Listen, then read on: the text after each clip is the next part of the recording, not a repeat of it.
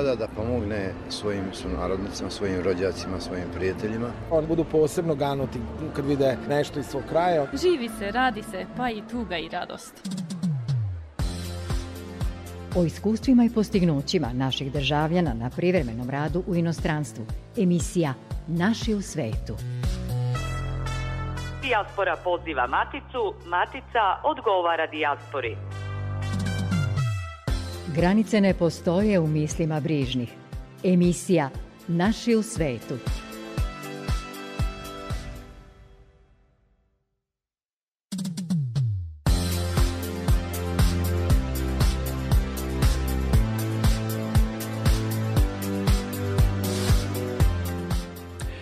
Ovo je emisija koja slavi uspehe naše dijaspore u svetu i promoviše brigu matice sa svojim rasejanjem. Dobroveče vam žele za tonskim pultom Vesna Čanak, a pred mikrofonom Goran Pavlović. U narednih pola sata čućete poruke sa konferencije Srbija i Srbije u regionu koja je održana u Novom Sadu. Govorimo o razlozima za odlazak na rad u inostranstvo i o mogućnostima da se odliv stručne radne snage svede na minimum. Međunarodni sajam knjiga u Beogradu, koji traje do kraja meseca, okupio je i naše stvaraoce iz rasejanja, koji su u Matici promovisali svoja dela. Više o tome slušamo u zapisu kolega iz Radio Beograda, na kojem se od 21 čas emituje emisija Večeras zajedno, sa kojom razmenjujemo priloge o novostima na relaciji Matica rasejanje. Ministarstvo prosvete, nauke i tehnološkog razvoja Srbije pružilo je još jednu opciju za pohađanje srpske dopunske škole u Italiji. Svi đaci koji su udaljeni od već postojećih nastavnih mesta imaju mogućnost pohađanja online nastave. Takođe, ta mogućnost se nudi i onim đacima koji su u mestima u kojima postoji srpska škola, ali iz opravdanih zdravstvenih razloga nisu u mogućnosti da dolaze na nastavu. Upis je za učenike od 6 do 18 godina. Zahtevi se prihvataju do kraja oktobra i časovi su besplatni. U školi se uči ćirilica i stiče znanje o našim slavnim precima, geografiji i kulturi Srbije. Istakli su predstavnici Saveza Srba u Italiji. Više informacija i kontakt broj potražite na internet stranici rasejanje.info. U Matici Srpskoj u Novom Sadu održana je dvodnevna konferencija Srbija i Srbi u regionu, čija je tema očuvanje jezičkog i kulturnog identiteta srpskog naroda u Severnoj Makedoniji, Rumuniji, Mađarskoj, Albaniji, Crnoj Gori, Hrvatskoj i Republici Srpskoj. Prilika je to da se razmene iskustva i pomogne finansijski rad institucija koje rade na zajedničkom napretku, a za više od 30 organizacija Fond za raseljena lica dodelio je do sada najveću pomoć, čak 150 miliona dinara. Sa učesnicima konferencije razgovarala je Jasna Kurteš-Plavljanin. Fond za izbegla i raseljena lica shodno nadležnostima koje mu je dodelila vlada Srbije u cilju unapređivanja odnosa Srba u regionu nikada više i uspešnije nije radio na povezivanju, kaže predsednik fonda Duško Ćutilo. Ono što je sam cilj konferencije a, jeste a, povezivanje, međusobno povezivanje, jačanje međusobne saradnje kao i a, očuvanje jezičke kultu, jezičkog i kulturnog identiteta srpskog naroda u zemljama regiona i tu ćemo kroz izlaganje izlaganja kako predstavnika institucija iz Republike Srbije, ali i na osnovu izlaganja naših učesnika iz cijelog regiona, na osnovu njihovih iskustava. Vidjet ćemo kako i na koji način mi kao predstavnici institucija iz Republike Srbije možemo u nekom narednom periodu da im pružimo podršku, ali da vidimo na koji način možemo da međusobno povežemo sve te organizacije i da i oni kroz razmenu pozitivnih primjera i iskustava tu svoju saradnju naprede.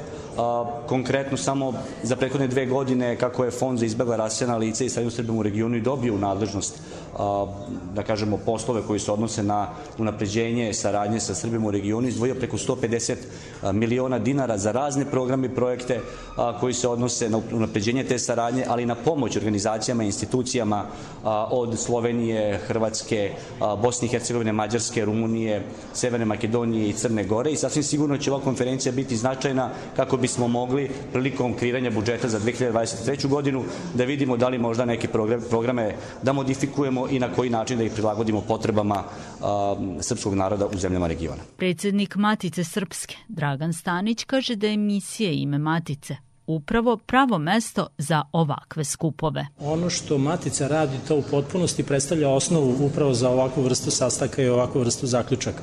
Tako da je bilo nekako i prirodno kad smo se našli i razgovarali gde da se održi skup, onda je nekako prirodno da to bude u Matici Srpskoj. Jer Matica upravo na pitanjima identiteta radi, ako mogu tako da kažem, čak i od samoga nastanka ustanove.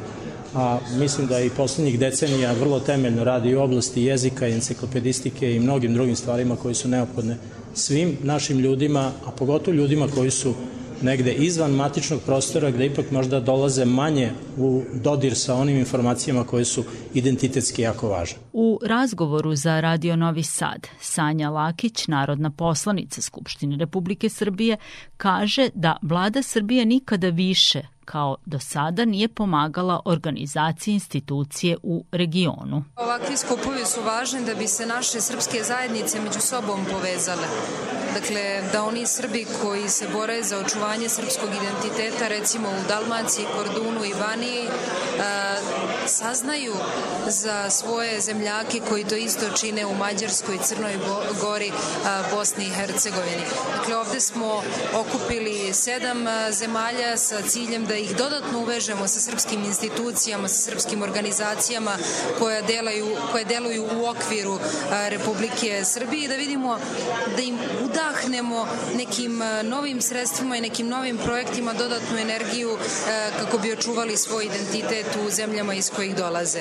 I to nisu neke floskole, nisu samo želje i čestitke, mi za sebe u poslednjih nekoliko godina zaista imamo ozbiljne rezultate i ono što ćete čuti od svih ovih ljudi koji su i danas ovde, ali što ćete čuti od gotovo svakog Srbina i svake Srpkinje koje žive u regionu, da niko nikad nije pomogao srpsku zajednicu onako kako je pomogla Republika Srbija na čelu sa Aleksandrom Vučićem.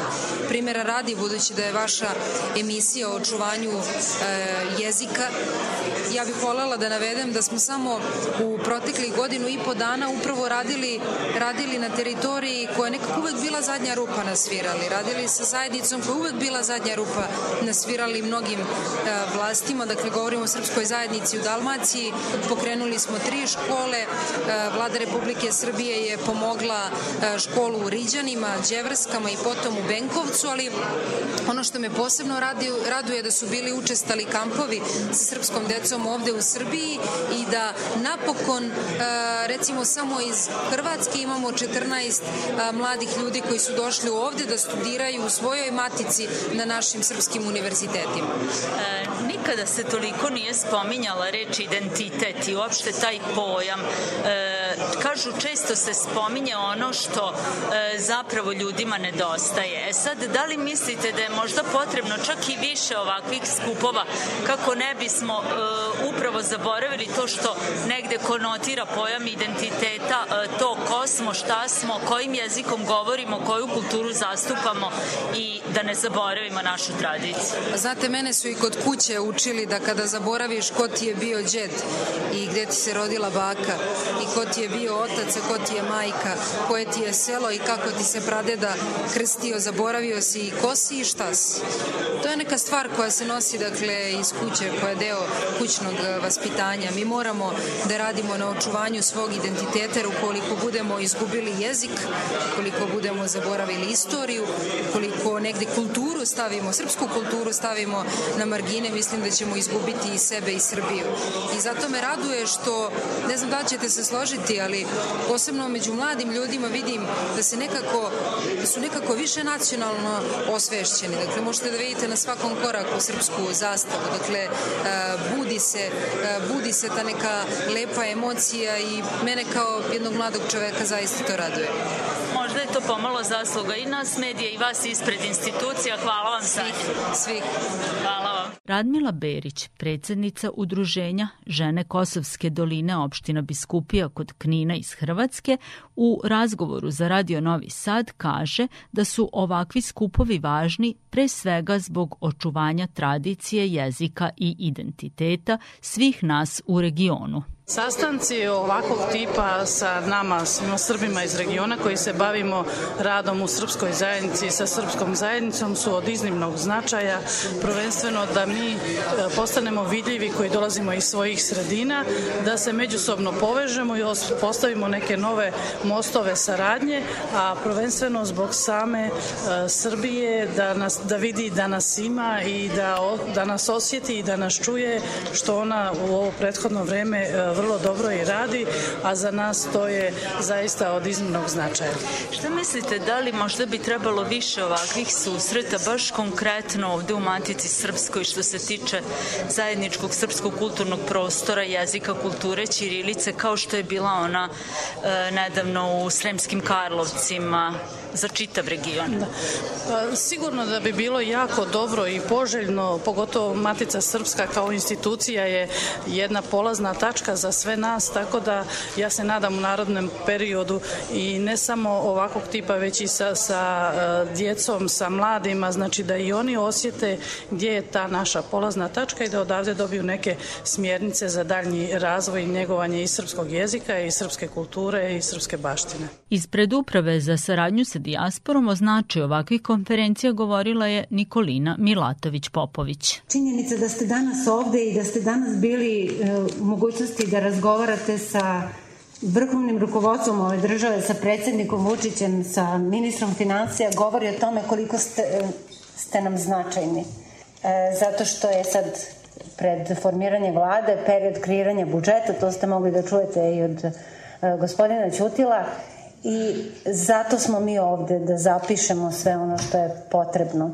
I iskreno se nadam da će nam sutrašnji dan u tom smislu e, proteći e, harmonično i baš onako kako i treba kada se pišu i neki zaključci. Ali osim toga želim i sa vama da podelim jedan utisak, pošto se dugo e, bavim Srbima u regionu, e, da e, samim pukim poređenjem Republika Srbija e, poslednje 4-5 godina možda i, i koju godinu više, nikada nije toliko novca odvajala za Srbe u regionu. Znači, ja vam pričam o celokopnim iznosima. Sama činjenica da je i, pri, i fond e, pokrajinski dobio nadležnost za saradnju sa Srbima u regionu 19. godine, ako se ne varam, e, govori o značaju e, te teme za ovu državu. Tako da e, ja se nadam da s obzirom da smo danas ovde i da ćemo govoriti o vašim projektima i vašim planovima, da će se tako nastaviti u buduće i da ćemo e, e, moći da budemo svi zajednički zadovoljni ovde ovim skupom. Zadovoljstvo je bilo učestvovati na sastanku u Palati Srbija sa svim predstavnicima Srba iz regiona koje je sazvao predsednik Aleksandar Vučić, a najvažniji cilj je da očuvamo srpski jezik i ćirilično pismo kao temelj srpskog identiteta. Rekao je posle istoimene konferencije održane u Palati Srbija Arno Gujon. A podsjetimo, Pre Matice Srpske konferencija je održana i u Beogradu. Vežu nas događaj, misli, kultura i tradicija. Emisija Naši u svetu.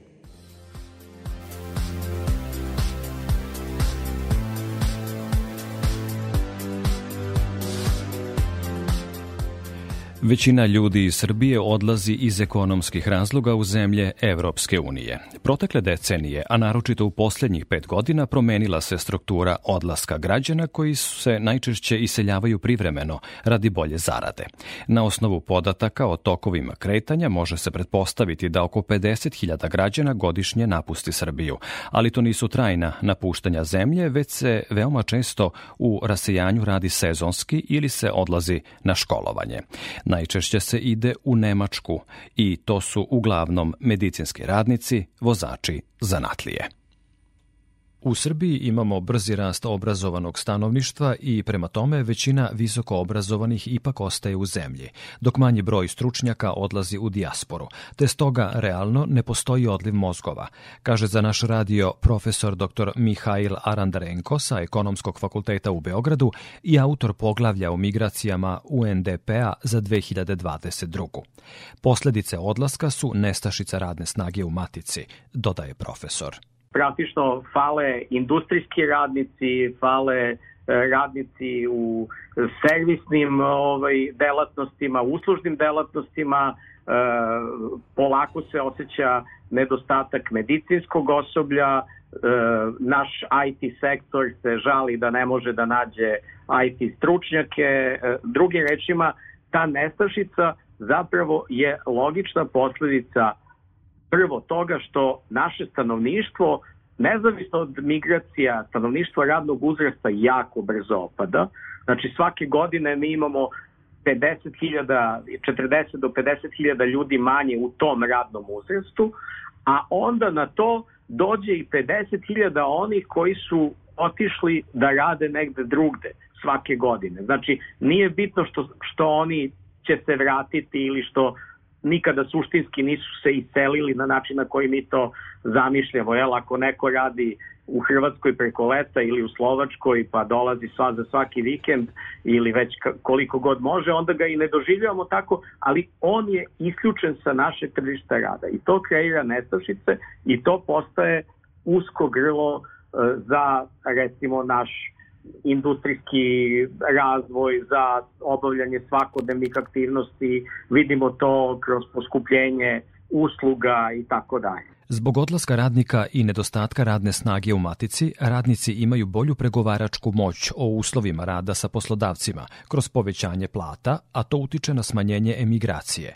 Ipak, oni koji su već u Evropskoj uniji migriraju u zemlje koje nude veće plate, a onda se taj nedostatak nadoknađuje iz siromašnijih zemalja, kaže profesor Arandarenko zbog malih plata kod nas i veće nezaposlenosti do nedavno odliv bio najveći te nove zemlje članice EU koje opet to je neki mali hidraulični mehanizam. Oni odlaze u zapadnu Evropu mogu bez ikakvih problema da rade tamo a onda su im potrebni radnici iz ovaj malo siromašnijih zemalja i tako se jako puno srpskih radnika zapostilo u e, kao što sam rekao Slovačkoj, Mađarskoj i tako dalje Znači, mi sada kroz to povećanje plata zapravo deluje jedan tržišni mehanizam U poslednje vreme u Srbiji je izdato oko 20.000 radnih dozvola za strance, što znači da sa 50% pokrijemo broj radnika koji je otišao sa onima koji dođu u Srbiju da rade. I što naravno možda i nije u ovom, u ovom trenutku neko optimalno rešenje, jer podrazumeva e, prosto te neke, što ekonomisti kažu, transakcione troškove. Naši ljudi odlaze napolju, onda dolaze neki stranci organizovano što podrazumeva e, razno razne ovaj, e, troš, troškove, da se sve to organizuje, a da, da se adaptira, da poslodavci ih nauče da rade, a ti radnici opet mogu da, da odu posle šest meseci ili godinu dana. Drugim rečima, to jeste to globalno tržište rada i toga će biti sve više kako budu plate, plate se povećavale. Uslovi rada i plate u Srbiji bi trebalo da se približavaju onima u zemljama u koje se najčešće odlazi kako bi se smanjila emigracija, smatra profesor Arandarenko, dodajući da bi dodatno trebalo motivisati mlade da ostaju u zemlji. Naše mnogočlane porodice u zemljama Evropske unije su potpomognute novčano, što dodatno ohrabruje naše ljude za odlazak. U suštini država ne, ne treba da se u to direktno meša na neki način da pokušava nekome da zabrani ili ima nekih implicitnih predloga, malte ne da se naplaćuje porez ne znam, doktorima koji odlaze ili nešto, nešto zato što je država navodno puno uložila u njihovo obrazovanje. Ne, to nije, to nije put. Put je prosto da se uslovi rada, a to podrazumeva mnogo stvari, ali pre svega plate, jel, zarade, ljudi da se oni približavaju onima koji su u zemljama u koje, u koje ti ljudi odlaze i e, naravno onda ćemo imati onda ćemo imati nešto manju manju emigraciju što e, je svakako korisno. I takođe postoje drugi aspekti konkurencije, uslovno rečeno, odnosno konkurentnosti e, recimo zapadnoevropskih zemalja. E, mi imamo jako malo pomoći mladim ljudima, recimo neko ko radi, ko je zaposlen u Srbiji i ima decu, E, neće dobiti dečji dodatak jer prelazi taj neki maksimum, jer kod nas je to osmišljeno tako da dečji dodatak dobijaju samo veoma siromašne porodice. U Austriji, Nemačkoj, u drugim zapadnoevropskim zemljama, pa čak i u istočnoevropskim, dečji dodatak zapravo dobijaju, dobijaju svi i sva deca ili skoro sva deca, onda ona bogatija možda njihove familije plaćaju veći porez, ali u svakom slučaju to je pravo koje se ne ukida. I vi imate jako puno naših porodica mnogočlanih u Austriji i Nemačkoj koje zapravo recimo bez obzira što sada živeti od minimalne plate tamo nije baš toliko prijatno, ali kada na to dodate ta razna druga davanja ovaj, koje ima te zemlje ulažu u svoju budućnost i prevazilaze svoj demografski problem, onda shvatite da na neki način nešto što bi ova država mogla da, da uvede. Drugi rečima, jedna tako na izgled neutralna mera kao što je uvođenje ovaj, e, univerzalnog dečjeg dodatka moglo bi, po mom mišljenju, da ima pozitivne posledice Emigracija postoji i u najrazvijenijim zemljama, a ona se zaustavlja kada se dostigne određeni nivo dohotka i to je ključni razlog, kaže profesor Arandarenko.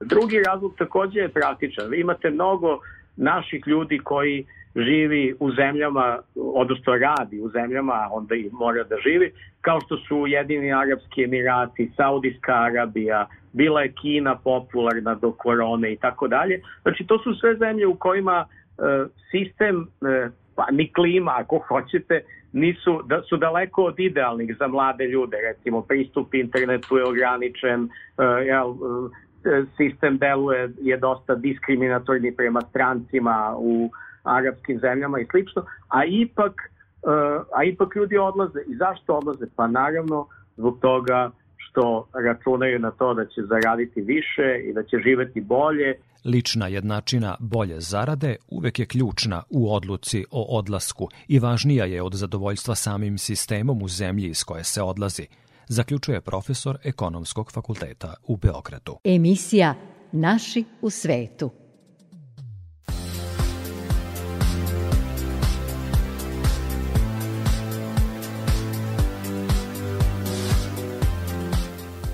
Ambasadorka Srbije u Skoplju Nevena Jovanović uručila je učenicima gimnazije Goce Delčevu Kumanovu, koji nastavu pohađaju na srpskom jeziku, učbenike i knjige kao donaciju Uprave za saradnju s dijasporom i Srbima u regionu. Ambasadorka Jovanović ukazala je na značaj obrazovanja na srpskom jeziku za pripadnike srpske zajednice u Severnoj Makedoniji, a učenicima poručila da nastave da neguju i čuvaju svoj maternji jezik. Rumunija je počasni gost Međunarodnog sajma knjiga u Beogradu koji se održava do kraja oktobra. Slavomir Gvozdenović, naš poznati pesnik iz te zemlje, član je rumunske delegacije na sajmu. Bio je i gost Radio Beograda sa kojim razmenjujemo priloge u vezi sa našom dijasporom. Sa Slavomirom Gvozdenovićem, pesnikom, prevodiocem, počasnim predsednikom Saveza Srba Rumunije, razgovara Milan Stokanović, novinar drugog programa Radio Beograda. Kao što znamo, počasni gost 65. Međunarodnog sajma knjiga u Beogradu je Rumunija. Tim povodom, iako ima još mnogo povoda za razgovor sa našim današnjim gostom Slavomirom Gvozdenovićem, poput novoobjavljene knjige pesama Disanje na pseće škrge, danas razgovaramo u beskrenom plavom krugu. Slavomire, dobar dan. Dobar dan. I ja dolazim iz Temišvara, iz nekog beskrajnog plavog kruga Miloša Crnjanskog, koji je najveći temišvarac među nama Srbima i drago mi je što sam ponovo u ovoj emisiji u kojoj sam još gostovao i gde sam imao priliku da govorim i o našoj kulturi, o našoj književnosti, o našem pamćenju, uopšte o srpskoj zajednici u Rumuniji. Slavomira, vi evo ove godine uči, učestvujete na sajmu i kao domaćin i kao gost. Pa čini mi se, i ne grešim ako kažem, da ste vi ovde neki kulturni posrednik između Srbije i Rumunije. E, svaki srpski pisac iz Rumunije, kao i rumunski u Srbiji, imamo tu dvostruku ulogu. Pišući svoje knjige da vodimo računa i učinimo onoliko koliko je to moguće da približimo dve kulture i dve književnosti. Učinio sam ove godine dosta toga zato što sam obja, e, e, preveo čak tri knjige poezije koje se pojavile u e, Rumuniji, u Srbiji, pardon. Tu su zatim i neke antologije kao što je ta antologija rumunske proze kratke kod arhipelaga koji je štampao i moju knjigu Disanje na pseće škrge, ima i drugih prevoda i sigurno da ćemo danas kada se zajedno kada se sastanemo i kada se zajedno obratimo sajmu i čitaocima Srbi iz Rumunije, odnosno Rumuni iz Srbije pod sugestivnim naslovom Desetoro bez granica. Vi ste juče održali predstavljanje svoje pesničke knjige Disanje na pseće škrge. imali ste, da kažemo, lepu posjećenost na toj tribini. Došli su vaši prijatelji i iz Temišvara, tu su prijatelji bili iz Beograda, ali i publika koja je bila zainteresovana. Bilo je ljudi što me dirnulo ovako kao i prijatelja i kolega iz Novog Sada i Smedereva koji su došli, iz Pančeva. I zašto, zaista je bilo, znači, na, na, jednom, na jednoj tribini, na sajmu koji vrvi od ljudi i gde igla ne može ponekada da padne, ja sam to sve ispričao mojim prijateljima Rumunima, oni su im, lepo impresionirani. A htio da kažem, nije samo vaša knjiga Disanje na pseće škrge izašla sada na sajmu, već i 11 šapata dželatima naše kuće, izdavačke kuće Filip Višnić jeste, to je jedan pogled na svet kroz obraćanje zavičaju, kroz obraćanje tom, da kažem, užem prostoru, ali koji ima toliko širine, mnogo, mnogo puta, jer teme su opšte, a kažem, pogledao sam na svet i na kuću i na dželate te naše kuće, metaforički kazano da bome, kroz prizmu E, tih 11 poema koje sam posvetio svom rodnom selu Belobreški i kraju za koji sam ostao celog života vezan i koji je u sve ono dobro, lepo i mudro iz Temišvara i Banata i Rumunije ugrađeno u temelje moje knjige. I hteo bih da pomenem uh, prevođenje koje ste i vi pomenuli zapravo već sada u razgovoru. Vi zapravo prevodite naše pisce na rumunski i prevodite rumunske pisce na srpski jezik.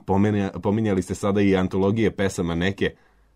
Pa bila je e, kod izdavačke kuće Herg Bennett u Bukureštu koja je na sajmu antologija antologija srpske poezije 40 pesnika ja opet ušali onako pomalo e, i sarkastično rekao kao 40 mučenika. E, znači tu su dve knjige pesama Ljubomira Simovića, dve knjige pesama Matije Bečkovića, dve knjige pesama Miodraga Pavlovića, pa knjige Ivana V. Lalića, Gojka Đoga, Ivana Negrišorca, Jovana Zivlaka, Gorana Đorđevića i mogli bi puno. Isto tako sa rumunske strane objavio sam, preveo sam i Novosadski e, festival književnosti je objavio, opet kad je Rumunija bila počasni gost festivala, objavio je antologiju rumunske poezije koju sam priredio i preveo sve to značajne knjige. Profesor univerziteta Dragan Stojanović, koji radi sjajan posao prevodeći Andrića i druge velikane srpske, priredio je i antologiju rumunskog eseja koje je štampao Prometej. Tu je Stevan Bugarski, nezaobilazan Stevan Bugarski sa njegovim knjigama koji nas podsjeća, koji pamti za nas i zajedno sa nama i tu su pun, je puno kolega, neki će biti i danas ovde. Eto prilike da zajednički progovorimo o sebi kroz knjigu. Kada govorimo o našim ljudima koji žive u Rumuniji sada, vi ste i e, osnivač Saveza Srba u Rumuniji, bili ste 20 godina srpski poslanik u parlamentu Rumunije. Kako danas žive ovaj Srbi koji su ostali u Rumuniji? Evo kažete sada da je manje ljudi recimo u... Mnogo manje.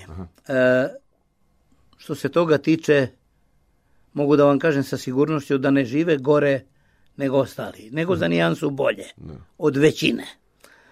Zato što su pre svega dobri, vredni i pošteni domaćini i zato što umeju da urade te domaćinske poslove kako valja.